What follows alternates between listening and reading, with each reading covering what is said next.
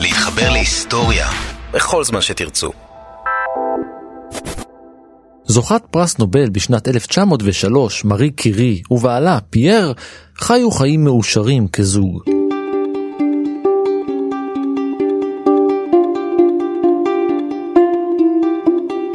הם השלימו זה את זו אינטלקטואלית, ולאחר זכייה בפרס, המשיכו את עבודתם המקצועית יחד כמה שנים, עד הטרגדיה.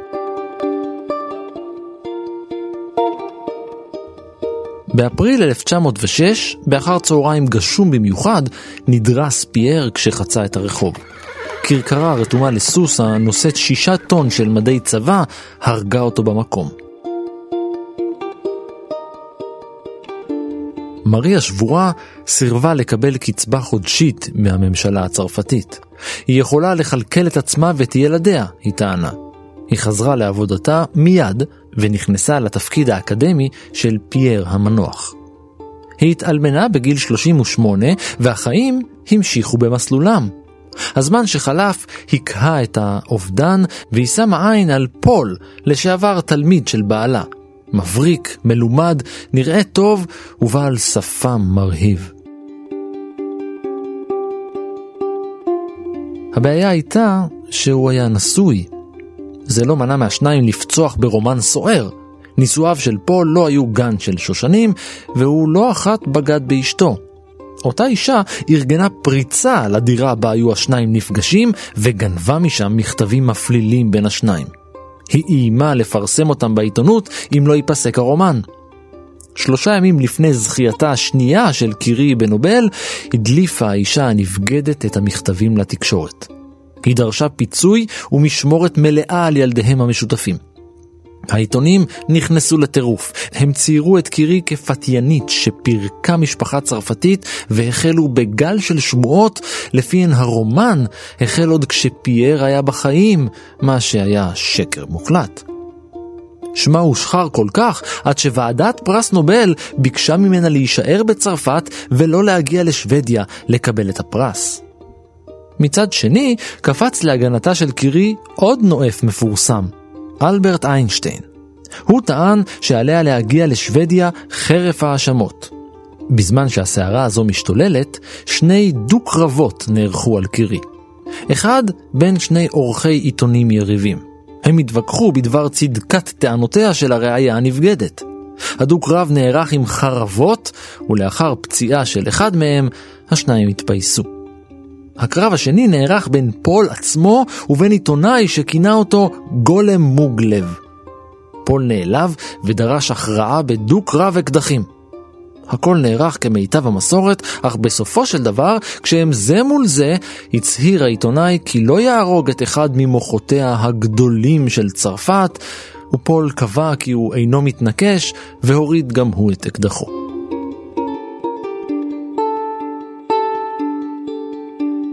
הפרסום סיים את הרומן.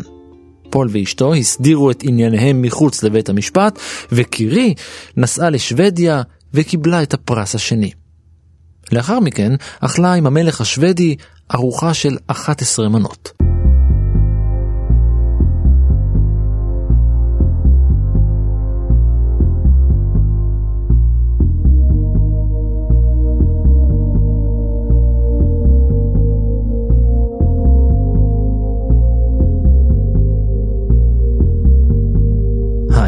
אני ערן מנהר ואתם על מנהר הזמן.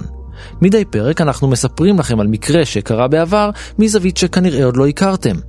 הפעם נספר את סיפורה של אישה חזקה. האישה הכי חזקה בימיה. אנחנו נשארים בשכונה, באימפריה הקרובה אלינו, האימפריה הביזנטית, כדי לפגוש את אחת הנשים המסקרנות בהיסטוריה, שהתחתנה שלוש פעמים, הפעם הראשונה הייתה כשהייתה בת חמישים, הייתה אחת הנשים המבוגרות בחייה, ששלטה על אימפריה, האימפריה החזקה בעולם. אנחנו מתחילים ברומא, אבל לא באיטליה, ברומא של הרומנים.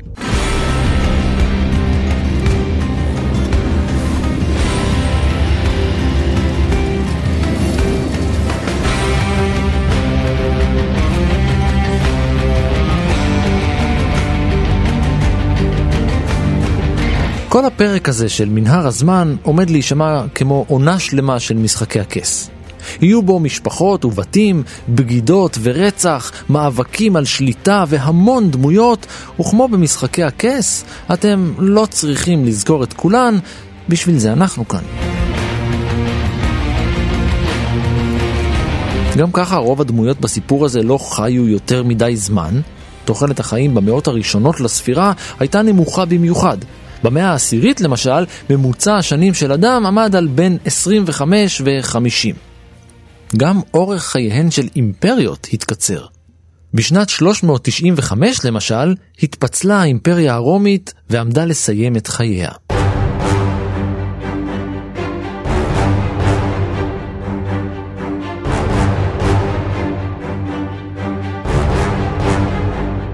הקיסר תאודוסיוס החזיר את נשמתו ליקום, והאימפריה הבינלאומית עליה שלט נחלקה לשניים. כל אחד מבניו קיבל חלק.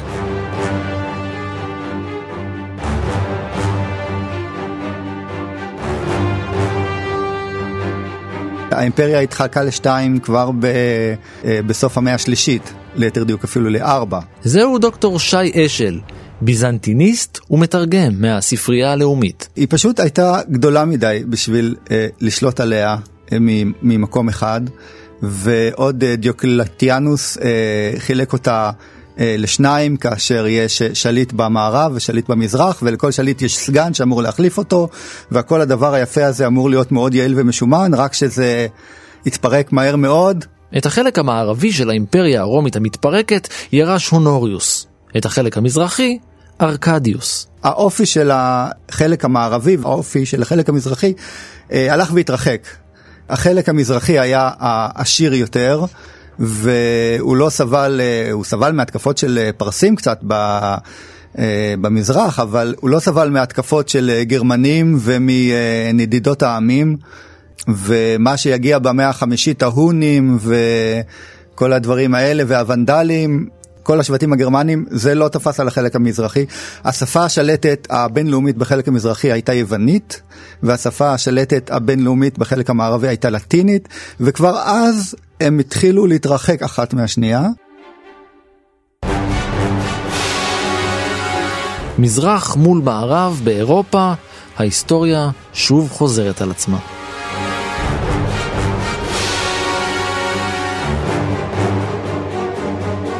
תושביה של האימפריה המפוצלת היו גם הם מפוצלים. הקיסרות המערבית הייתה ברדק. בדרך כלל השליטים נשלטו בעצמם על ידי אנשי צבא כוחניים, ותוך פחות ממאה שנה התפרק לגמרי חצי האימפריה הזה במרד של שכירי חרב בעקבות סכסוך על קרקעות. בינתיים, באימפריה המזרחית, החיים התנהלו כיאה לקיסרות של ממש.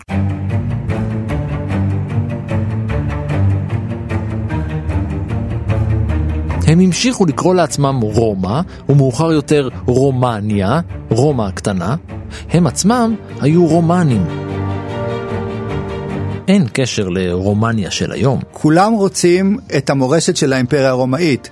ולכן רומניה נתנה, נטלה לעצמה את השם רומניה עם איזשהו קשר ל- לרומא המקורית העתיקה, אומרים שהיו שם מחנות של חיילים רומאים שהתערבבו עם המקומיים ומזה יצא רומנים, אבל יש גם אזור בשם אמיליה רומנה בצפון איטליה, ובאופן כללי כולם רוצים את המורשת הרומאית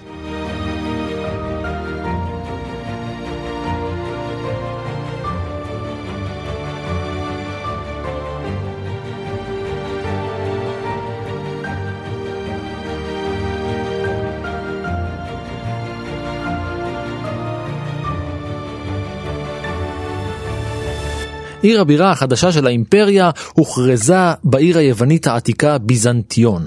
זו העיר עליה הוקמה מאוחר יותר קונסטנטינופול, כיום איסטנבול שבטורקיה. במשך אלף שנים, עד שהגיעו העות'מאנים, היא הייתה הבירה של האימפריה, ו-400 שנה מאוחר יותר הודבק לה הכינוי האימפריה הביזנטית.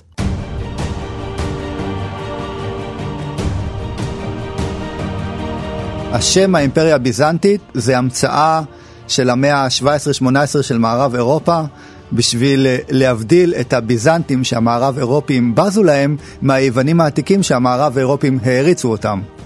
אז כדי לא להתבלבל, מעכשיו אנחנו נקרא לה ככה, האימפריה הביזנטית.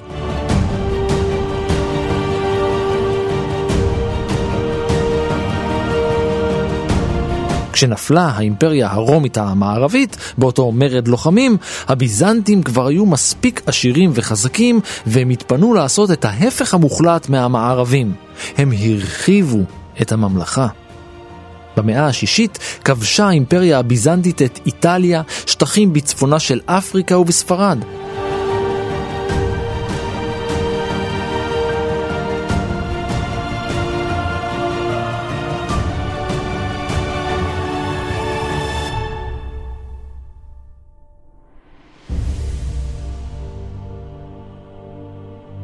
האימפריה חיה יחסית בשלום.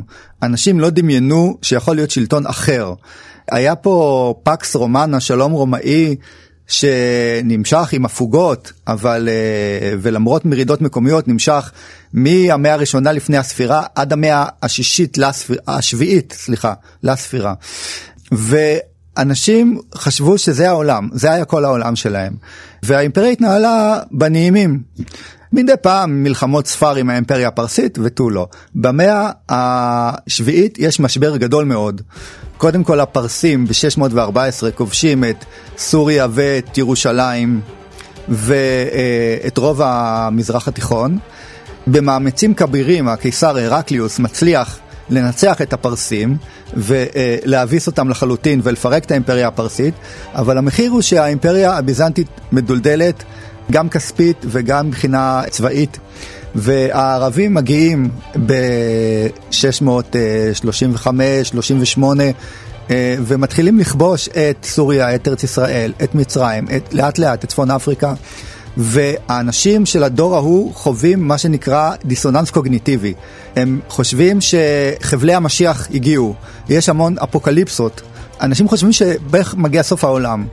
הם לא מבינים איך יכול להיות שהאימפריה הרומית מתפרקת, ובאמת מה שנשאר לאימפריה הרומית זה חלקים של אסיה הקטנה וקונסטנטינופוליס וקצת מיוון.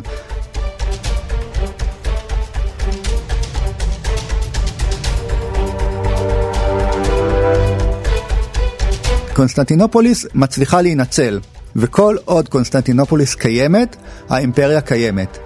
רוב האוכלוסייה יוונית, אורתודוקסית, דוברת יוונית, נאמנה לפטריארך של קונסטנטינופול ולשלטון המרכזי הקיסרי בקונסטנטינופוליס. יש כאלה הטוענים שמסוף המאה השביעית האימפריה הביזנטית היא למעשה מדינת הלאום הראשונה.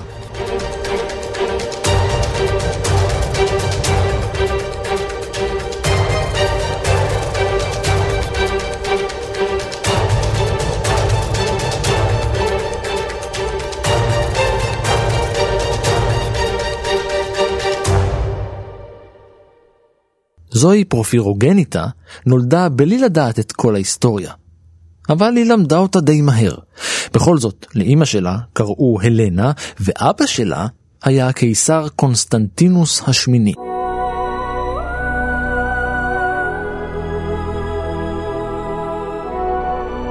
משמעות שמה של זואי פורפירוגניטה היא חיים שנולדו לסגול. לא כל אחד יכול להיות ילד סגול.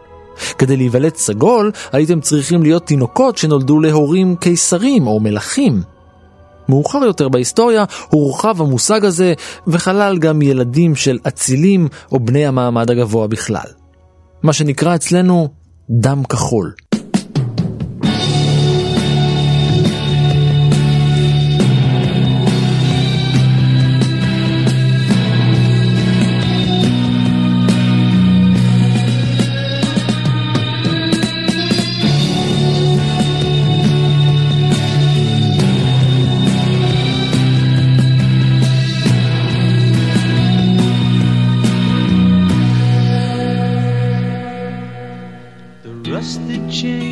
צבע שהפיניקים היו מפיקים משבלולים וחלזונות.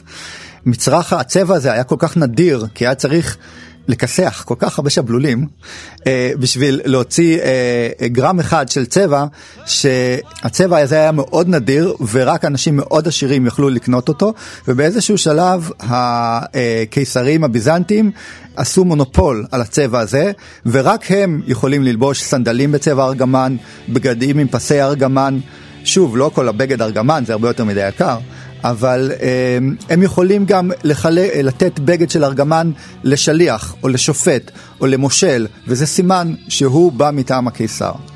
ביוונית פורפירו זה אה, ארגמן או שני, וילדים שנולדו לקיסר מאישה לגיטימית נקראים פורפירוגניטוס, או לאישה פורפירוגניטה. Shutters outside the pilgrim's door with insufficient schemes. The Black Queen chants the funeral march, the cracked brass bells will ring to summon back the fire witch to the court of the crimson. וזואי נולדה אה, פורפירוגניטה אה, בזמן שהאימפריה הביזנטית מצליחה להשתקם אחרי שכמו שאמרנו היא כמעט נכחדה ופחות או יותר קונסטנטינופוליס זה כל מה שנשאר במאה השמינית, לאט לאט היא מתחילה, מצליחה להתרחב, במיוחד במאה העשירית. היא כובשת מחדש את כרתים, את קפריסין. היא כובשת במזרח עד הפרת והחידקל. היא שולטת מאיטליה במערב ועד הפרת והחידקל ומחצי האי קרים ועד כמעט הגליל.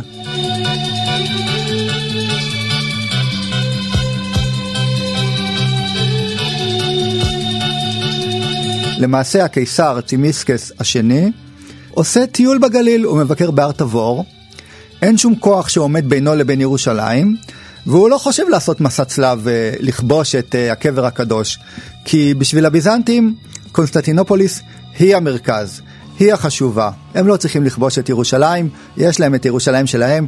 כל ה... אמ, דברים של ישו, הפסיון, הרליקוויות, הכל יש להם שמה. הוא פשוט מטייל לו בהר תבור וכותב במכתב למלך הארמני, טיילתי בהר תבור וחזרתי לאנטיוכיה. הוא לא מנסה לתרץ שהוא לא עשה מסעי צלב. הביזנטים מרוצים ממה שיש להם. האימפריה בשיאה, וזוהי נולדת לאימפריה שהיא בשיאה.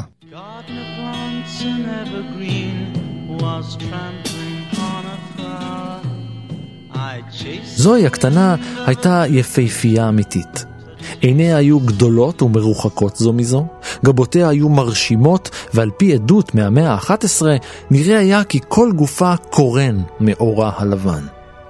כשהייתה בת 23, הובטחה להינשא לקיסר האימפריה הרומית הקדושה, אוטו השלישי. זו לא הייתה בחירה קשה. משלחת מטעמו של הקיסר הרומי הקדוש הגיעה כדי לבחור מבין שלוש בנותיהם של קונסטנטין והלנה. הבכורה, אהודוקיה, חלתה באבעבועות והייתה נראית נורא. הצעירה, תיאודורה, הייתה נערה פשוטה. האמצעית הייתה זוהי היפה, ואוטו נעתר להתחתן איתה. הוא היה דוד שלה,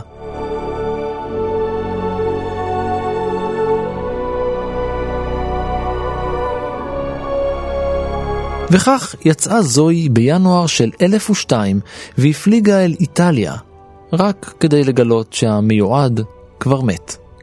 קדחת.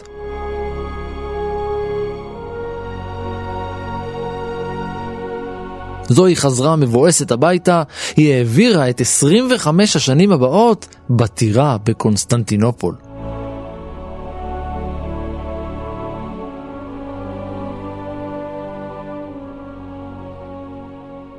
עד שהייתה בת 47, נהנתה זוהי מאלמוניות כמעט מוחלטת.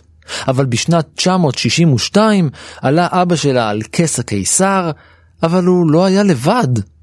הוא היה קיסר שותף. הקיסר האגדי שביסס את שלטון האימפריה היה בזיליוס השני, שמלך מ-976 עד 1025, 49 שנה.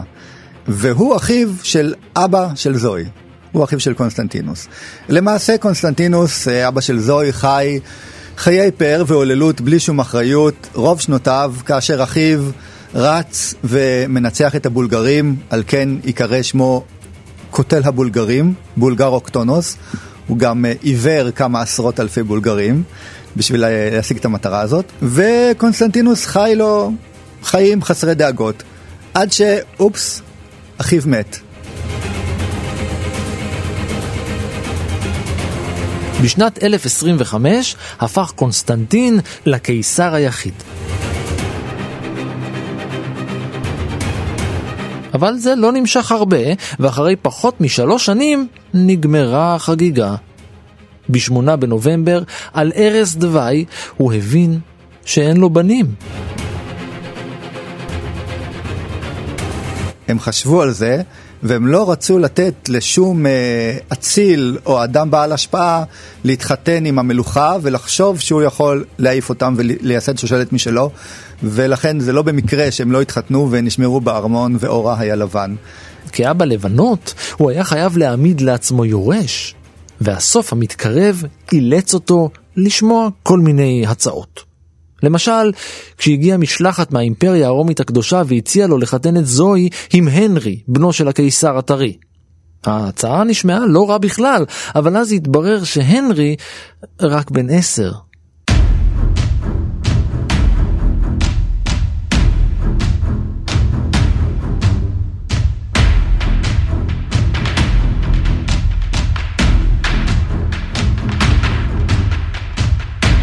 לזוהי התחיל להיווצר שם של אחת שאי אפשר לחתן. הקיסר הגוסס זימן אליו את אחד האצילים למשפחת דלסנוס, כדי שזה יישא את זוהי לאישה.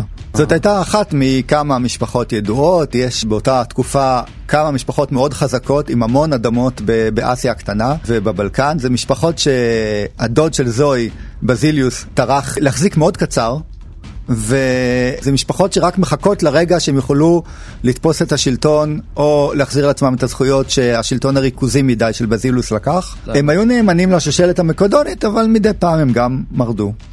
אה, הם גם שירתו אותה וגם אה, מרדו בה. ויש להגיד שהשושלת המקדונית הייתה מאוד ריכוזית וחיזקה מאוד מאוד את קונסטנטינופוליס, אבל הזניחה את הפריפריה. אבל יועציו של הקיסר חשבו אחרת ממנו. עדיף היה להם שליט חלש יותר, שאפשר לתמרן ולשלוט בו, מאשר אציל ממעמד גבוה ופוליטיקאי בכיר.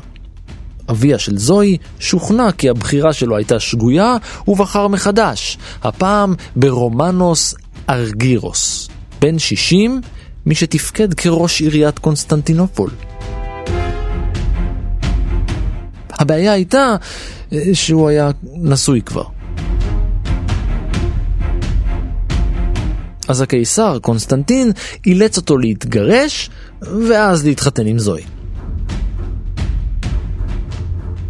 בשביל אה, להכריח את אה, אשתו של רומנוס להתגרש ממנו, עושה הצגה ושולח אה, שליחים כאילו הוא רוצה לתפוס את רומנוס ולהרוג אותו, ואותה, את אשתו, הוא שולח למנזר, ואחרי שהיא במנזר והם uh, התגרשו, הוא מתחתן עם זוהי. זוהי סוף סוף התחתנה. היא הייתה בת חמישים.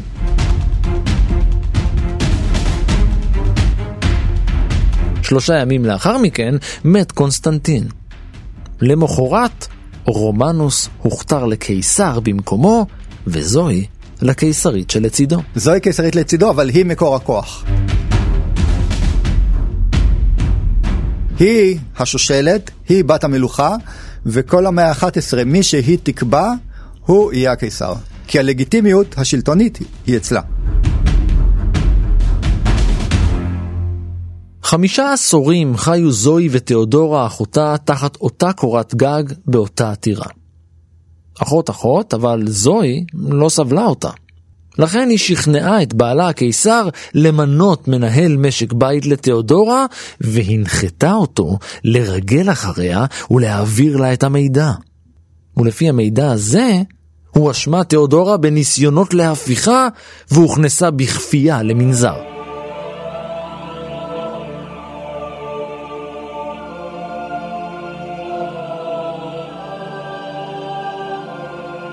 אלה היו שנים איומות.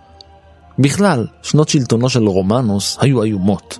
הוא לא היה אהוד על ידי אנשים אחרים, הכלכלה הביזנטית הידרדרה לשפל חדש בימיו, הוא קיצץ את המיסים לאצילים ובזבז כסף בבניית כנסיות מפוארות ומנזרים אדירים.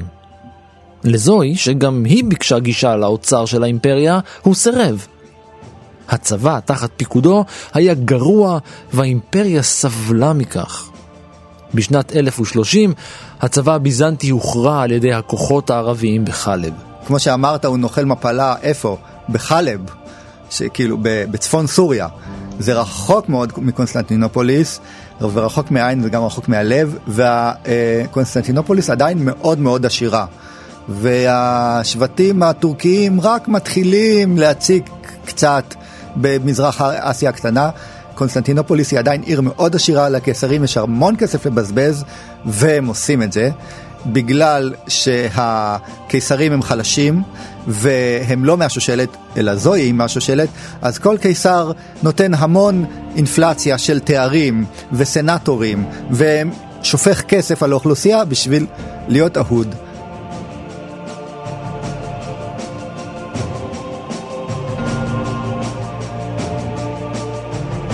וגם חיי הנישואין של רומנוס היו בקנטים. זוהי ממש רצתה ללדת יורש לשושלת הקיסרות שלה, וניסתה בכל כוחה להיכנס להיריון. אבל האישה הייתה כבר בת חמישים, ובמאה ה-11 זה לא היה דבר נפוץ. היא פנתה למאגיה שחורה, ללחשים ולקסמים, לשיקויים ולקמעות. זה כמובן לא עזר.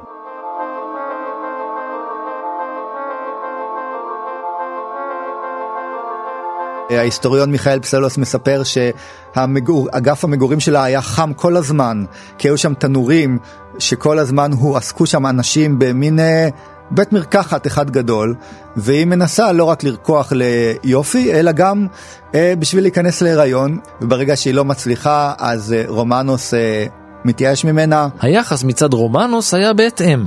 הוא בקושי התייחס אליה, הוא סירב לחלוק איתה את מיטתו, עד שבמשך חמש שנים זוהי ורומנוס היו כמעט יריבים.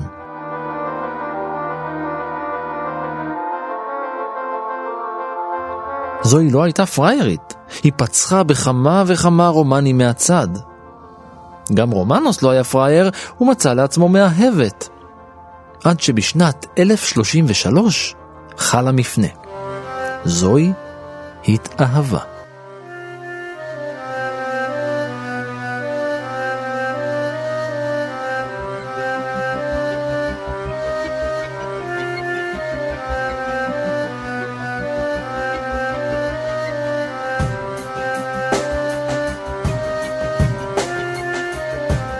מיכאל היה משרת בן המעמד הנמוך, בן למשפחת איכרים, הוא עבד כחלפן כספים בקונסטנטינופול, ועל הדרך גם זייף מטבעות.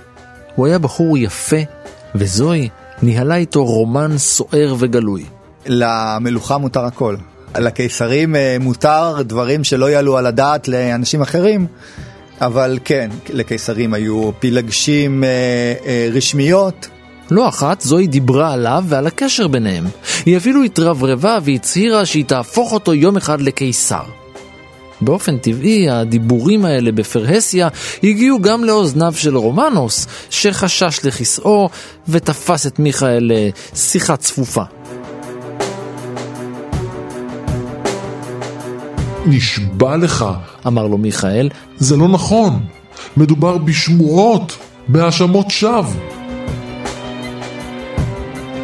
רומנוס התרצה. מיכאל נשבע, מה הוא יכול לעשות? אז הוא שמר אותו קרוב אליו, והפך אותו למשרתו האישי. רומנוס הוא, הוא לא היה כל כך טיפש, אה, הוא העדיף שזוהי אה, תהיה מרוצה. אם היא תהיה מרוצה היא לא תעשה לו צרות, היא לא תזמום נגדו, חוץ מזה שמי יודע מה היא עושה שם ב... בבית מרקחת שלה שמה, מה היא יכולה לרקוח.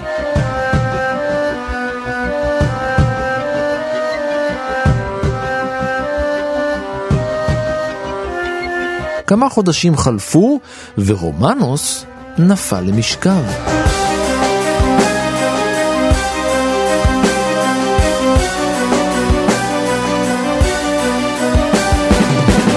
הוא רותק למיטתו, והשמועות החלו להתרוצץ. היה מי שאמר שזוהי ומיכאל הרעילו אותו. גילו אותם במיטה כמה פעמים והיא לא התביישה, היא אפילו הושיבה אותו על כס הקיסר מדי פעם, דיברה בגלוי על זה שהיא רוצה שהוא יהיה קיסר, ורומנוס חשב שזה משחקי ארמון מטופשים ולא יצא מזה כלום, אבל זוהי לאט לאט כנראה הרעילה אותו. ב-11 באפריל 1034 הוא נמצא מחרחר למוות באמבטיה שלו. אולי נחנק? אולי הוטבע?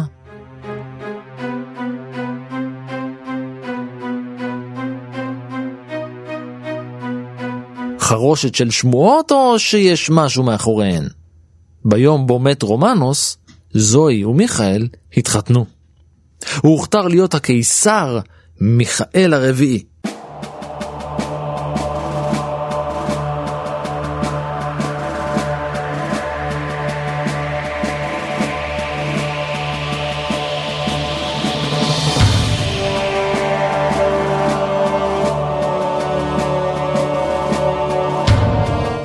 השנים שלו הם לא שנים של מפלות גדולות, הוא הצליח לשמור על בולגריה תחת אה, שלטון הרומאים, הביזנטים, אה, למרות מרידות. גם מיכאל הרביעי היה בוגד לא קטן, אבל הוא למד מהטעויות של רומנוס. הוא החזיק את כל הכוח אצלו, נתן סמכויות נרחבות לאחיו, סגר את זוהי בטירה בה גדלה, ודאג שתהיה תחת שמירה 24 שעות.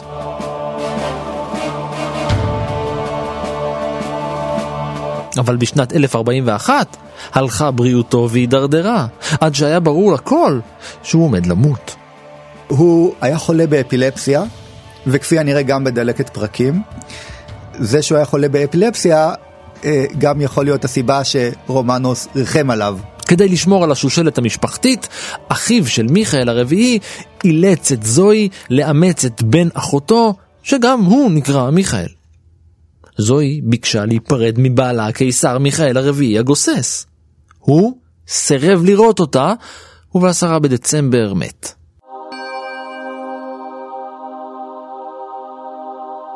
זוהי כנראה מאוד מאוד אהבה אותו. אה, גם מיכאל הרביעי התחיל לפחד מזוהי. אה, גם הוא אה, סגר אותה בחלק של הנשים בארמון. אה, גם הוא הקציב לה כסף בשביל שלא תבזבז יותר מדי מהר את אה, האוצרות המדללים של האימפריה, ולמרות כל זאת, כשהוא ב, אה, על ערש דווי, זוהי הולכת ברגל את חצי מקונסטנטינופוליס, שזה לא מעט, משפילה את עצמה, היא כנראה באמת אהבה אותו, היא מגיעה ומאוחר מדי, הוא כבר מת.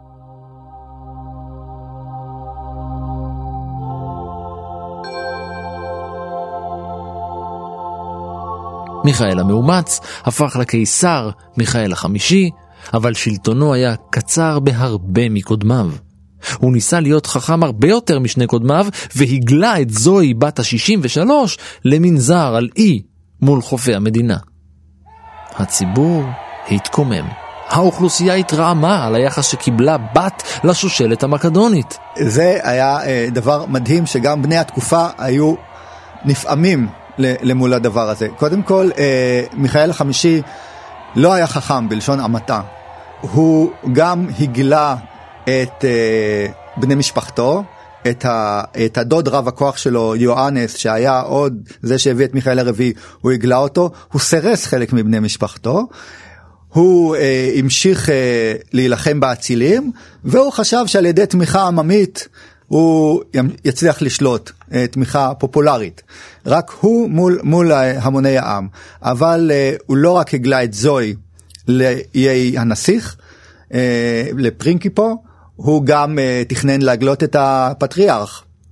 אז הפטריארך נגדו, השושלת המקדונית נגדו, המשפחות החזקות נגדו, והעם באמת כנראה מתקומם, תאר לך שמישהו עכשיו מעיף את אליזבת השנייה לאיזה מנזר בצפון סקוטלנד ואומר אני מולך. תתאר לעצמך מה ילך שם, כי באמת השושלת המקדונית מלכה כבר 200 שנה.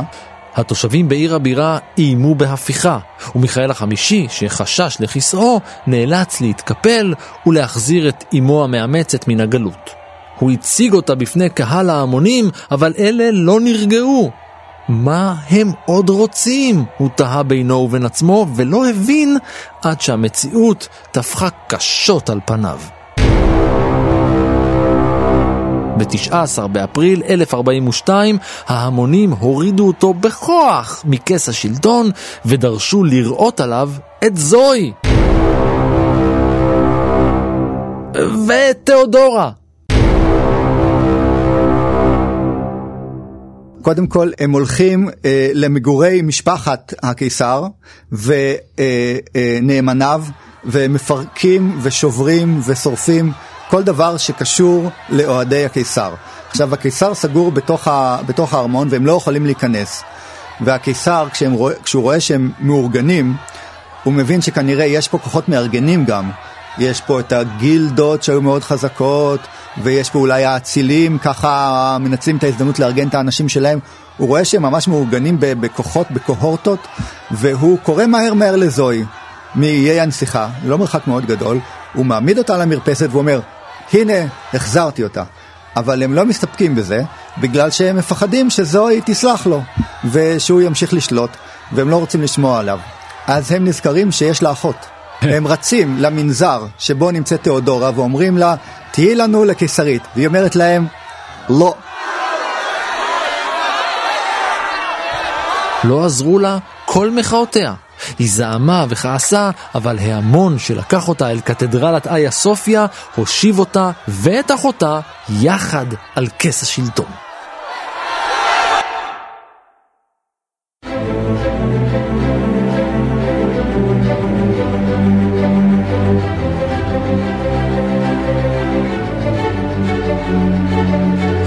ואז יצאו ההמונים אל הארמון והסתערו עליו כדי לגרד את מיכאל החמישי לכל הרוחות. הוא עזב, כמה טבעי, למנזר.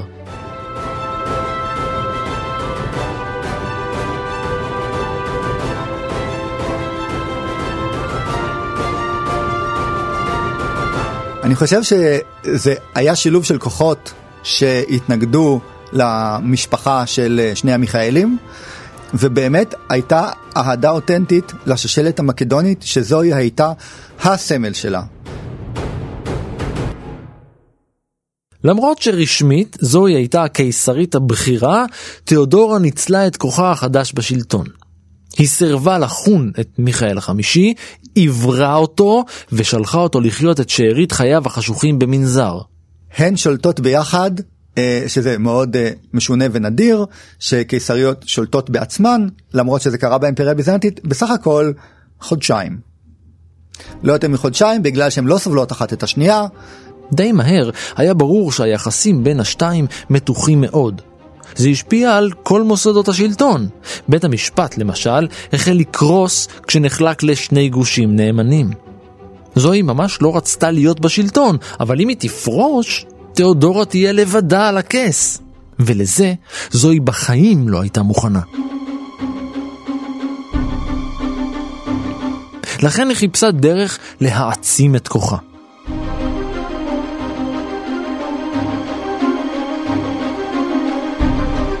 היא הלכה עד הקצה ועל הקצה. היא חיפשה חתן נוסף, שלישי, האחרון שהתירה לה הכנסייה.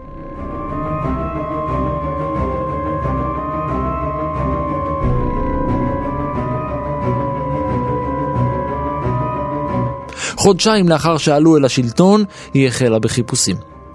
הראשון שהובא לפניה היה קונסטנטין דלסנוס, אותו דלסנוס שאבא שלה רצה שתתחתן איתו ויועציו שכנעו אותו אחרת. אבל הוא היה מלא ביטחון עצמי, מה שעצבן את זואי, והיא שילחה אותו מפניה.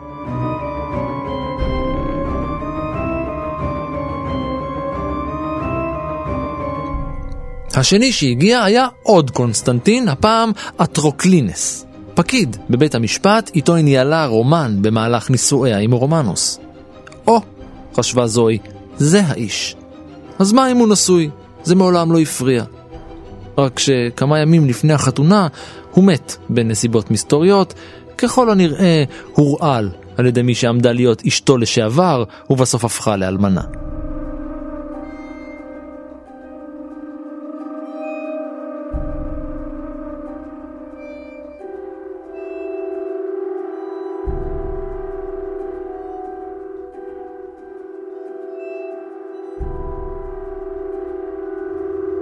ואז, אז נזכרה זוהי בעוד קונסטנטין אחד, עוד מאהב ותיק. ב-11 ביוני 1042 השניים התחתנו, ולמחרת הוכתר כקיסר לצידן של זוהי ותיאודורה.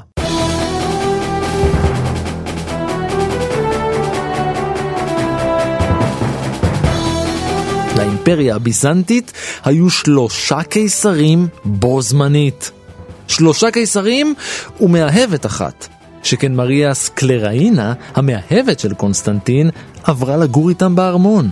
היה מקרים של אה, כל פעם שהקיסר הוא קטין, אז יש אה, עוצר, נגיד אימא שלו יכולה להיות עוצרת, או יכול להיות אה, אבא שלו יהיה עוצר, אבל שיהיו שתי נשים וגבר, קודם כל שלושה קיסרים, ועוד בתהלוכות ובכל הטקסים גם הפילגש הרשמית של קונסטנטינוס התשיעי הופיע.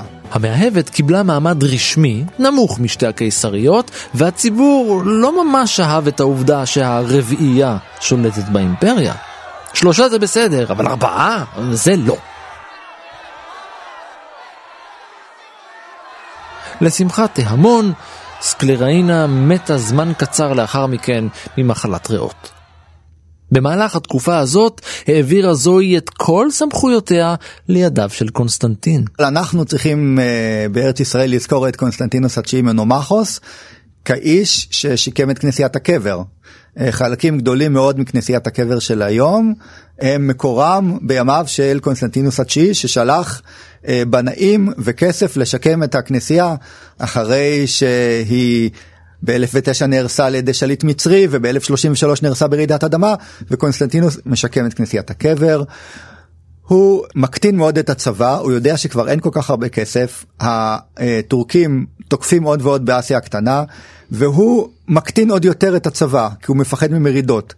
ויש באמת שתי מרידות מאוד גדולות נגדו, והוא ניצל בעור שיניו אה, ובעור חומותיה של קונסטנטינופוליס. אבל בקונסטנטינופוליס עדיין החיים יפים מאוד. ב-11 ביוני 1050, בעוד האימפריה עוברת את אחת התקופות הקשות שלה, הלכה זואי לעולמה בגיל 72.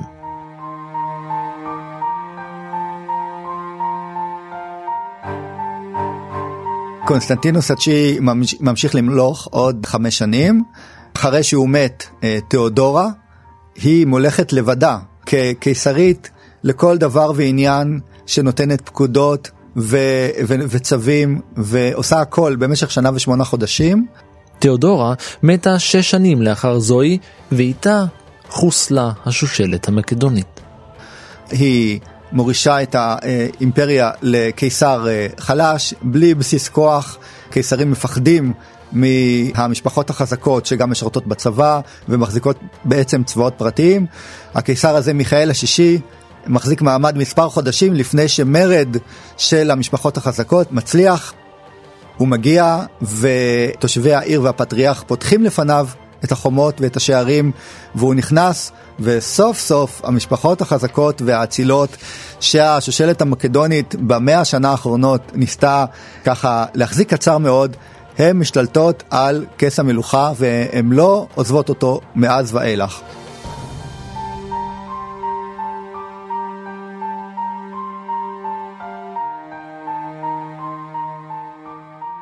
דמותה של זוהי מונצחת עד היום באיה סופיה שבאיסטנבול.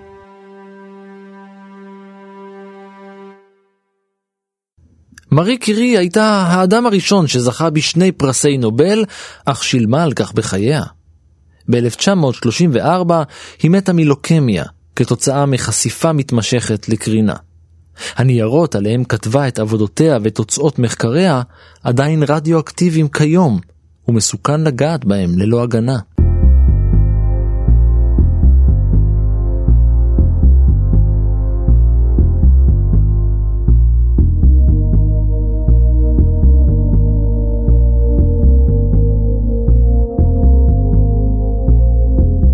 ועד כאן מנהר הזמן להפעם. תודה לשי אשל, תודה גם לאור מנהר שנלחם על הקיסרות והיה על ההפקה, ולניר גורלי ששוחרר מגלות על אי והיה על העריכה.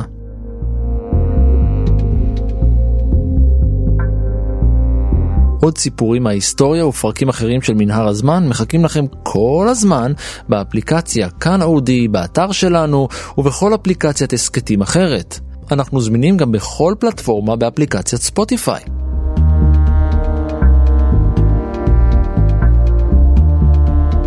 מנהר הזמן משודרת מדי יום שני בשעה 4 ברדיו כאן תרבות.